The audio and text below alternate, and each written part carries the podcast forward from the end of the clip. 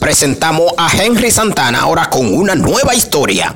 Señores, en 30 días darán el informe sobre la caída del avión.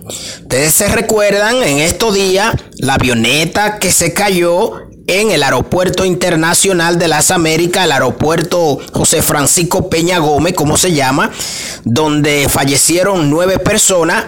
En 30 días darán el informe sobre la caída de ese o dicho avión.